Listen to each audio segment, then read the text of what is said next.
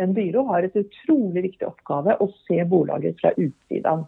Og når det er de som skriver briefen, hvordan skal de da bli utmannet og inspirert til å gjøre noe när når alt sammen er i deres hode fra dag én? Jeg syns det er veldig risikabelt.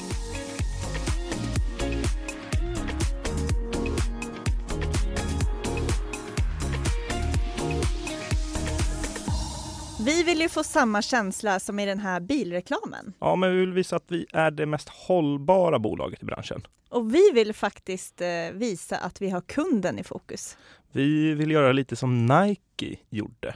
Ja, när man snackar om mål så är det lätt att glida iväg. Men faktum är att de flesta inte har budget nog att skapa känslor som i bilreklamer och knappt någon har förutsättningarna att göra något som liknar Nike. Och för ett par år sedan då så kände två australiensiska strateger att det alltid var något som skavde när det kom till kundernas briefer.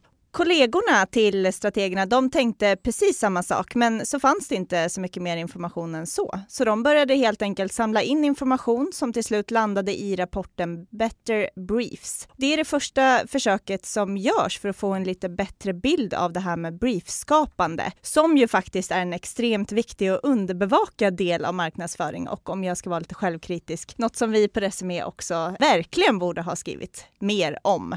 Tillsammans med Julia Lundin så tittade du Thomas närmare på den här rapporten här om veckan. Eh, vill du berätta lite om vad den visade mer specifikt? Vi kanske ska presentera oss det kan vara en bra idé. in i det här. De senaste veckorna har det varit rätt mycket av en sjukstuga här på Resumé och som jag har fattat att det har varit i allmänhet ute i samhället. Så du, Jasmin Winberg, chefredaktör på Resumé och tidigare redaktör extraordinär här på Insikt hoppar den här veckan in för Julia. Och jag som pratar heter Thomas Nilsson och jobbar som reporter på Resumé Insikt. De här två strategerna eh, då, deras magkänsla visade sig stämma rätt bra.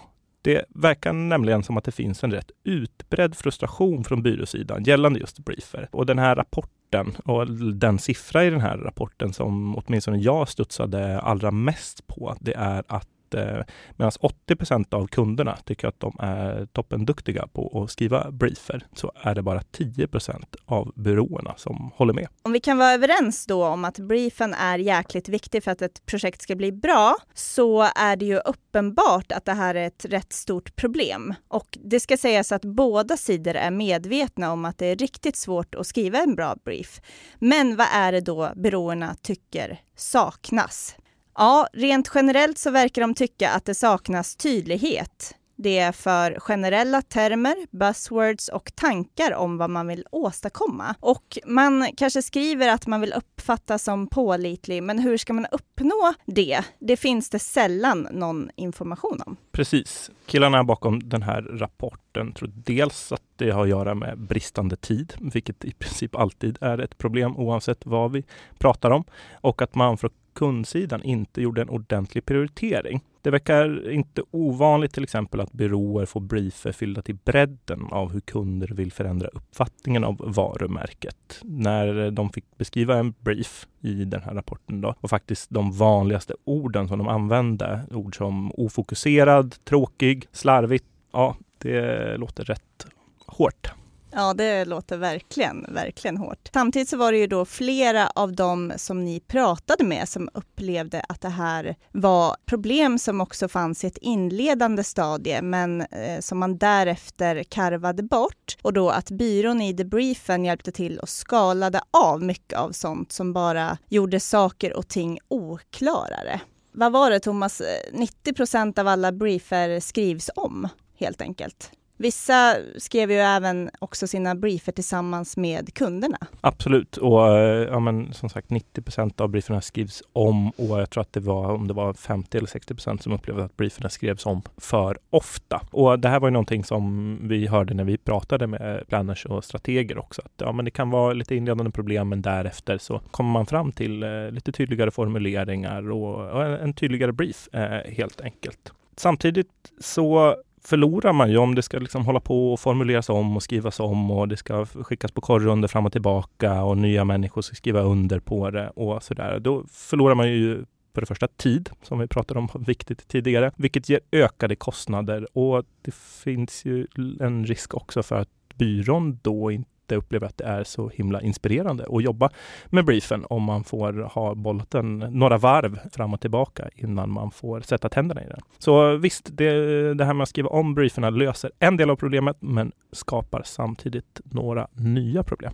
Och vi efterlyste ju då samtidigt som vi la ut de här artiklarna tips på marknadschefer eller andra då i branschen som är duktiga på att skriva briefer. Och många på byråsidan hade rätt svårt att komma på någon som stack ut, men några lyckades vi i alla fall skrapa fram. En av dem har vi bjudit in till dagens podd.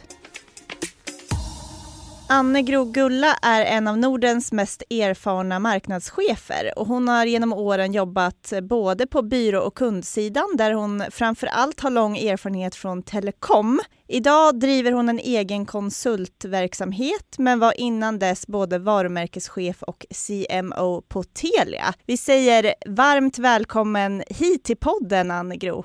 Tusen tack! Hur står det till med dig idag? Jag har det helt fantastiskt. Jag sitter här i vackra Oslo. Julegaten lyser på utsidan. Världen är fantastisk. Har du Karl Johan utanför eh, fönstret? Nej, jag har Bokstavvägen. Bokstavvägen är också jättefin. Jag såg att de, när jag tog bussen här till jobbet i morse, såg att de började sätta upp julpyntet här i Stockholm också faktiskt. Det är mysigt ja. ändå. Ja. Lite tidigt. Nej, för min del så kan man börja i oktober. Ja. Det är okej. Men ja. vi ska ju inte prata offentligt eh, julgrans eller julpynt nu, utan häromveckan så pratade du med vår kollega Julia angående briefförfattande. Och då i de artiklarna så utgick vi från en ny rapport som heter Better Briefs där det var, ja men det visade en, en stor spricka mellan eh, kunder och byråer, hur väl man upplevde att brieferna fungerade.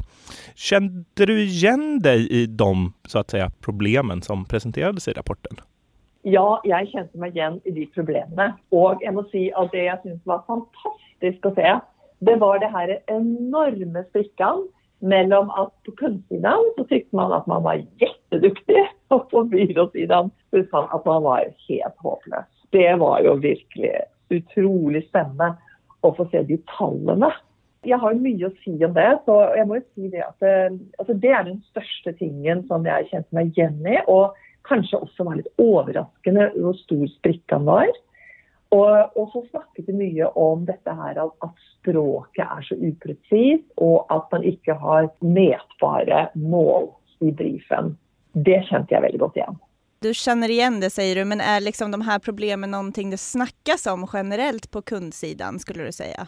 Alltså jag vill säga, alltså som Better Brief också eh, säger, att man är så nöjd. Jag känner att det är sanningen. Och för mig så är det så att när man skriver en brief och så min erfarenhet också från T-slutten, det är nog med eh, vi på kundsidan ofta är så fjärran från människor. Og når man skal gjøre reklam, så skal man snakke til mennesker. Og det er ofte så banalt og så enkelt og så viktig. Og kunstsidene gjemmer seg bak en masse buzzwords. Og det kjenner jeg er et enormt stort problem. At man må nesten ha en veldig sterk selvkjensle självkänsla för att våga være vara banal i ett stort internationellt bolag. Så jag menar egentligen bara att skriva ting på ett enkelt vis. Alltså sådana här ord, sådana här ord som customer centricity. Det är klart att det är jätteviktigt. Men vad betyder det när du ska göra reklam, exempelvis? Och man gömmer sig väldigt ofta bak ord som vanliga människor inte förstår. Och när man ska skriva en brief så ska man ju få kreatörer till att verkligen förstå vad det betyder för människor och de måste förstå det selv, slik att de kan drömma och tänka och vara kreativa. Och jeg, min erfaring är att på kundsidan så har man enormt lite kunskap om den kreativa processen tror att många tänker att de på byråsidan också kan de här, alla de här buzzwordsen. Men även om det är så att man ja. pratar eh, med andra branschpersoner så tycker du att man ska prata som att man pratar till Leif 50 i Vetlanda? ja, alltså Altså, Brifen må være så tydelig. og Det er klart at det sto jo også i studien at brifen må være inspirerende. Og hva er det å være inspirerende? Jeg tenker at For en kreatør et kreativt byrå så handler det om at man får bilder opp i, i sitt hode og hva faktisk kunden vil ha. At man kan liksom med ord beskrive litt at dette er den drømmen vi vil ha. Dette er den markedsandelen vi vil ha. Det er kundens ansvar å gjøre det så tydelig og enkelt at man allerede ved brifen kjenner at å, wow, det her har jeg lyst til å gjøre verdens beste kommunikasjon på. Är just de här språkliga problemen som du lyfte upp och användandet av buzzwords och, och, och oprecist språk. Skulle du säga att det är det allvarligaste problemet som, som framkommer i, i den här rapporten? Eller var det någonting annat om du också så att säga oroas över? Nei, Den største er jo at man ikke har eh, mätbart resultat. Og så var det et sitat fra noen som jeg kjente meg igjen med. Og det er dette at man skriver en brief som om det var en komité. Og det var vel en som skrev at mm det är alla känner att de ska delta i briefen, även om man inte kan marketing. Och när alla liksom har fått sagt sitt, så är man nöjd. Och det där känner jag ju lite igen.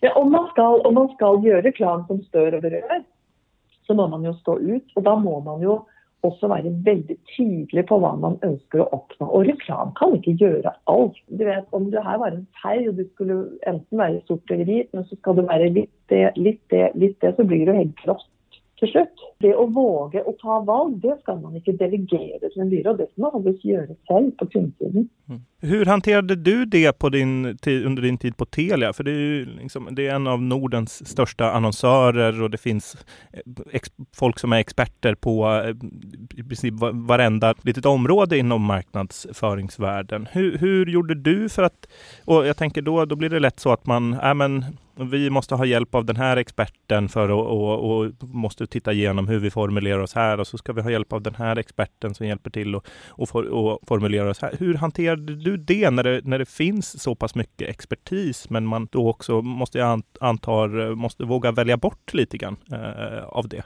Ja, alltså det, jag sökte på att det, var, att det var enkelt men det viktigaste tror jag det är att ta briefen på allvar och veta att det tar tid. Alltså, och en, I det hela taget är det många som inte ger en brief eller skriver en mail som man bare sender osv. Men å skrive en riktig god brief for en stor kampanje, altså jeg vil si at det tar minimum en måned, kanskje lenger. Oi. Så det, det tror jeg ja, det, altså, Vi tenker liksom the big thing. ikke sant? Så kan det være mindre greier du gjør.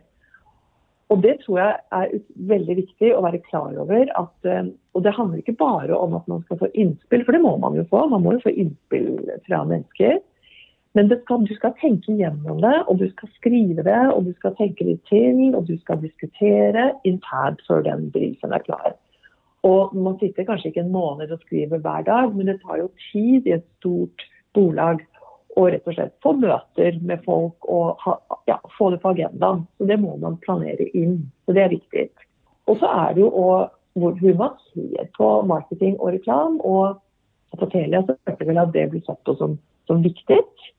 Så, eh, men det finnes jo bolag hvor, hvor reklameavdelingen er en slags eh, uh, underavdeling til businessavdelingen. Og da er det jo svårt. Fordi at uh, eh, jeg tror det viktigste det er jo å knytte det man gjør i kommunikasjon, til business. Og det er nok en kjernegreie. för at mange markedsførere gjør litt feil ved å si at vi gjør det her for brandet. Og det kan jo kjennes langt ifra businessen. For brand i seg selv er jo ikke noe selvendemål. Det skal jo være at man skal oppnå salg. Vi er spesialister på det vi gjør, precis som du. Därför försäkrar vi på Swedea bara småföretag, som ditt. För oss är små företag alltid större än stora och vår företagsförsäkring anpassar sig helt efter firmans förutsättningar. Gå in på swedea.se företag och jämför själv.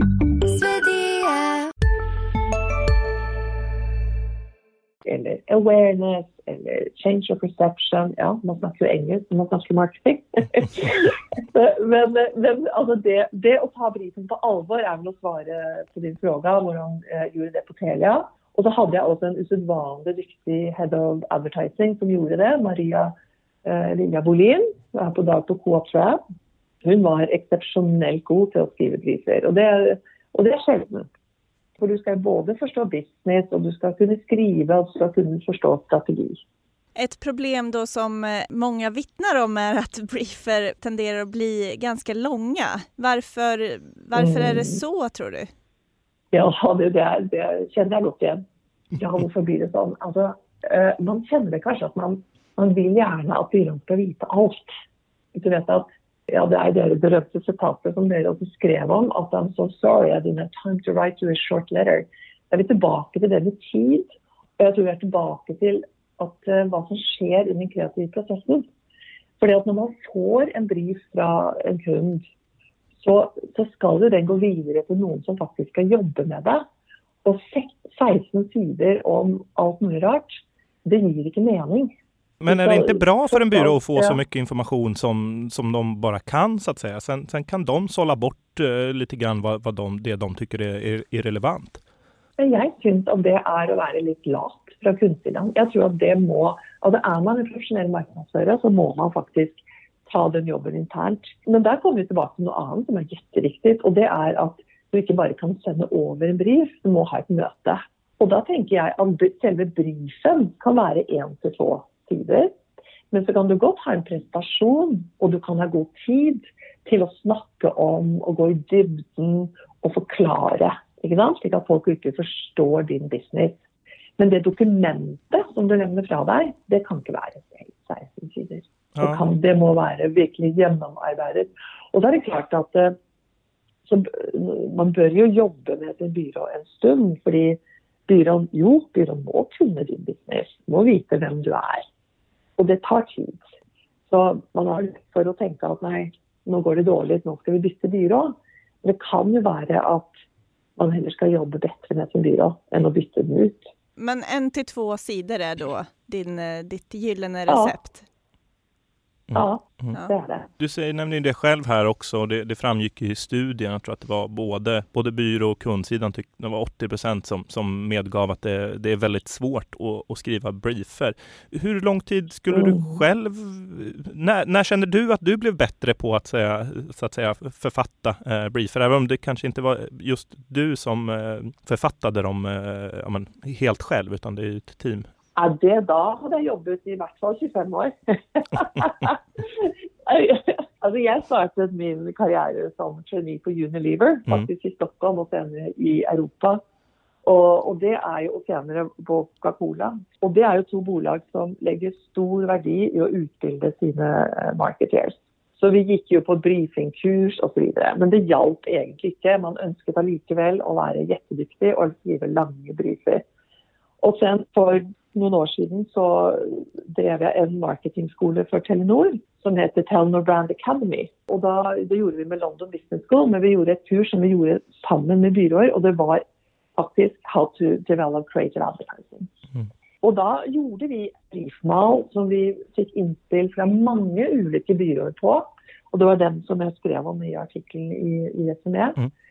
Og det var, for å være helt ærlig, først da, og kanskje når jeg selv kom på kundesiden, når jeg da så alle briefene som kom inn, eh, hvor man ikke hadde sagt at det var viktig, hvor man, hvor, eller hvor alt var viktig, og hvor brifen ble endret underveis, og, og vi som byrå ville ha mer penger, og så fikk vi ikke det.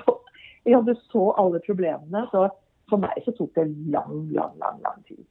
Og jeg har jo undervist i hvordan du skal skrive briefer, og gjør fortsatt det. Jeg gjorde sist for en sånn eh, startup her i Oslo, og da brukte vi tre dager undervisning med kunden og byrån for å gå gjennom alt slik at uh, de fikk en bra brief. Da. Så det tok lang tid. Um, jeg tenkte at min første innfallsvinkel det var å vise alle hvor dyktig jeg var, og alt hva jeg kunne.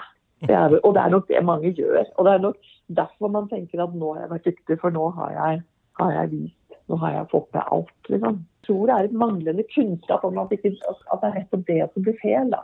Det, det säger någonting att eh, när, vi, när vi frågade runt på byråerna om, om tips på, på personer som var bra på att skriva briefer så var det tre stycken väldigt eh, seniora personer som, som vi fick tips om och eh, tre stycken kvinnor. Sen kan Mm. man dra vilka slutsatser man vill av det. Nei, det tror jeg faktisk ikke har med kvinner å gjøre. Men Nej, det det kan ha varit en slump. i marketing. Ja. Jag håller på kvinnorna faktiskt.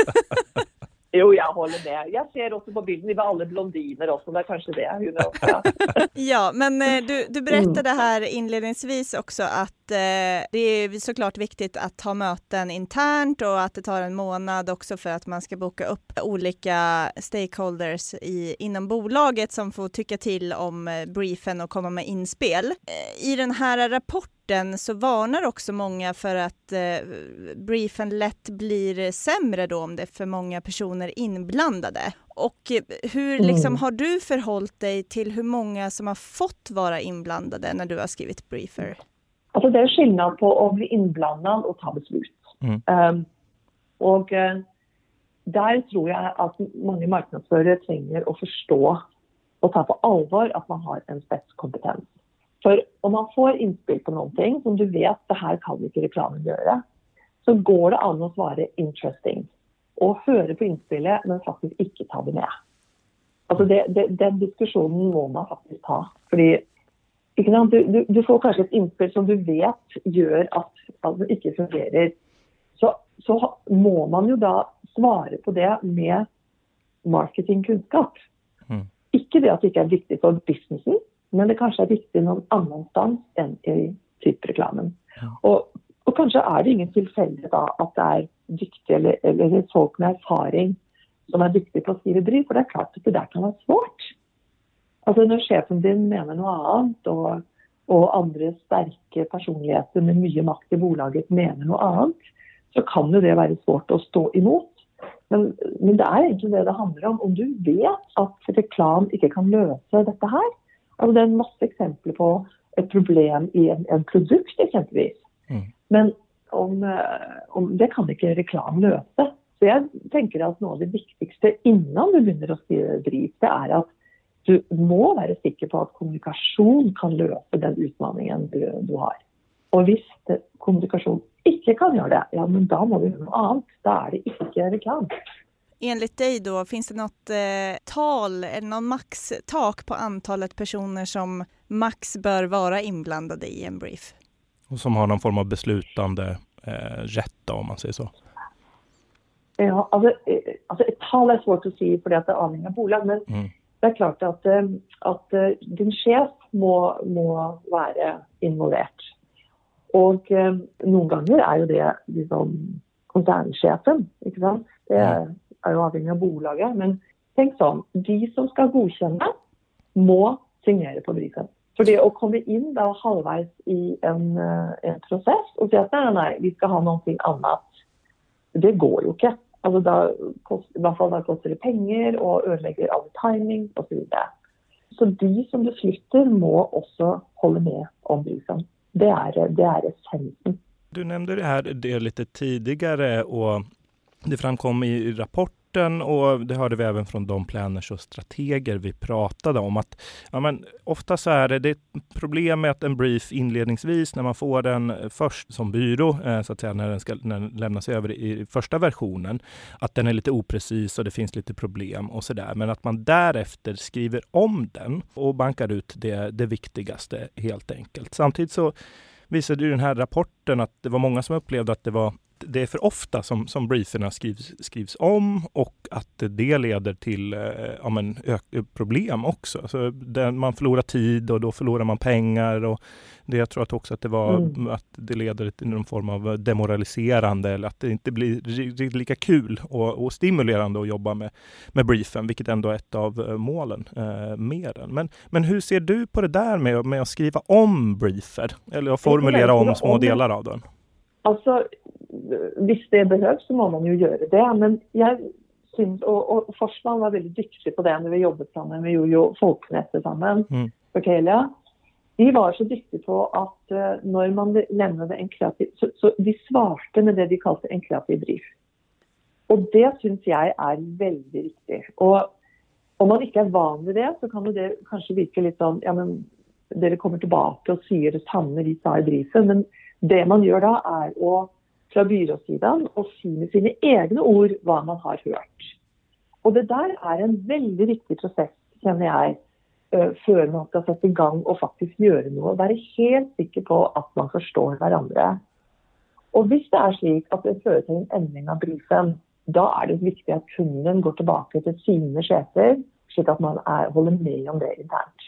För at Hvis man inte gör det, så, så sätter man jo i gang en masse kreative team, och så kommer man med masse lösningar. Och så visar man det till sin ledning, och så känner de inte igen det. Och det är ju att kasta bort tid och pengar och är, är veld, må være väldigt demotiverande också för, för byrån. Mm, mm. Ett förslag då på liksom, eh, hur man ska bli, göra en bättre brief som rapportförfattarna har föreslagit och också några av de eh, planners och strateger som vi har pratat med är att eh, kunden och byrån skriver briefen tillsammans. Men det här har jag förstått att du inte tror på. Varför inte? Och vad är riskerna med det här om man nu skulle samarbeta på det sättet? Altså for det første så syns jeg det er litt lazy marketing. Jeg synes dette er, eh, Å skrive gode briefer det må være det viktigste du gjør som markedsfører. Og en byrå, uansett om du har jobbet med de lenge, de kan aldri vite alle utfordringer du har i bolaget. De, og, og, en byrå har et utrolig viktig oppgave å se bolaget fra utsiden. Og når det er de som skriver briefen, hvordan skal de da bli utmannet og inspirert til å gjøre noen ting? Når når alt sammen er i deres hode fra, fra dag én. Jeg syns det er veldig risikabelt. Det er altså, bare tenk på Telekom. Tenk alt hva som skjer i den bransjen hele tiden. Når en byrå nær sagt tror at vi kan like mye som kunden, da er det også et problem. Og jeg har vært med på dette her en gang. Jeg husker jeg hadde vært nede på Mobile Congress i Barcelona. Kommer tilbake til et, et møte med en byrå som har en halvtimes foredrag om trender i Telekom. Og jeg liksom bare What a waste of time. Mm. Det bør faktisk være motsatt. Og litt tilfeldig så hadde jeg jo vært sånn Visste jeg ekstremt mye om det akkurat på det tidspunktet. Så jeg tror, at, jeg tror det er en veldig farlig utvikling. Jeg tror at uh, vi må skille på de rollene. Men byråene, om, om kunden er dårlig, så må de jo gi beskjed om det. Og så tror jeg at kunden skal være det nei, byråen som være dyktig på å gi kreative briefer. Altså dette svaret, det skriftlige svaret på kundens brief. Og da må man jo påpeke da, at uh, eh, altså, det er utydelig, eller vi forstår ikke, eller, eller disse tingene. Så där att det blir som att byrån blir lite för sugen på att visa sin expertis och hur mycket de kan, men, men den, deras det riktiga expertis finns i den kreativa lösningen snarare än i så att säga eh, de affärsproblem eller liksom branschen, men i det här fallet telekom då. Ja, altså En byrå kan jo aldri vite alt om alle bransjer man jobber med. Det er jo 100 umulig. Og det er faktisk farlig når en byrå tror at man kan det. Det må komme fra kunden. Det får bli slutorden här idag. Tack så jättemycket Anne Gro för att du var med oss i ja, podden. Vi hade tänkt prata lite grann om din eh, briefmodell. Det står ju mer om den på vår sajt. Då får man skaffa sig en liten prenumeration om man vill veta mer om den. Ja, ikke sant? Og ja. det er jo så billig, og det er det verdt, vet du. Ja. ja, tack, då fick vi lite gratis marknadsföring. Så. Vi har inte betalat den, ja, jag lovar. Tack. Tack så jättemycket.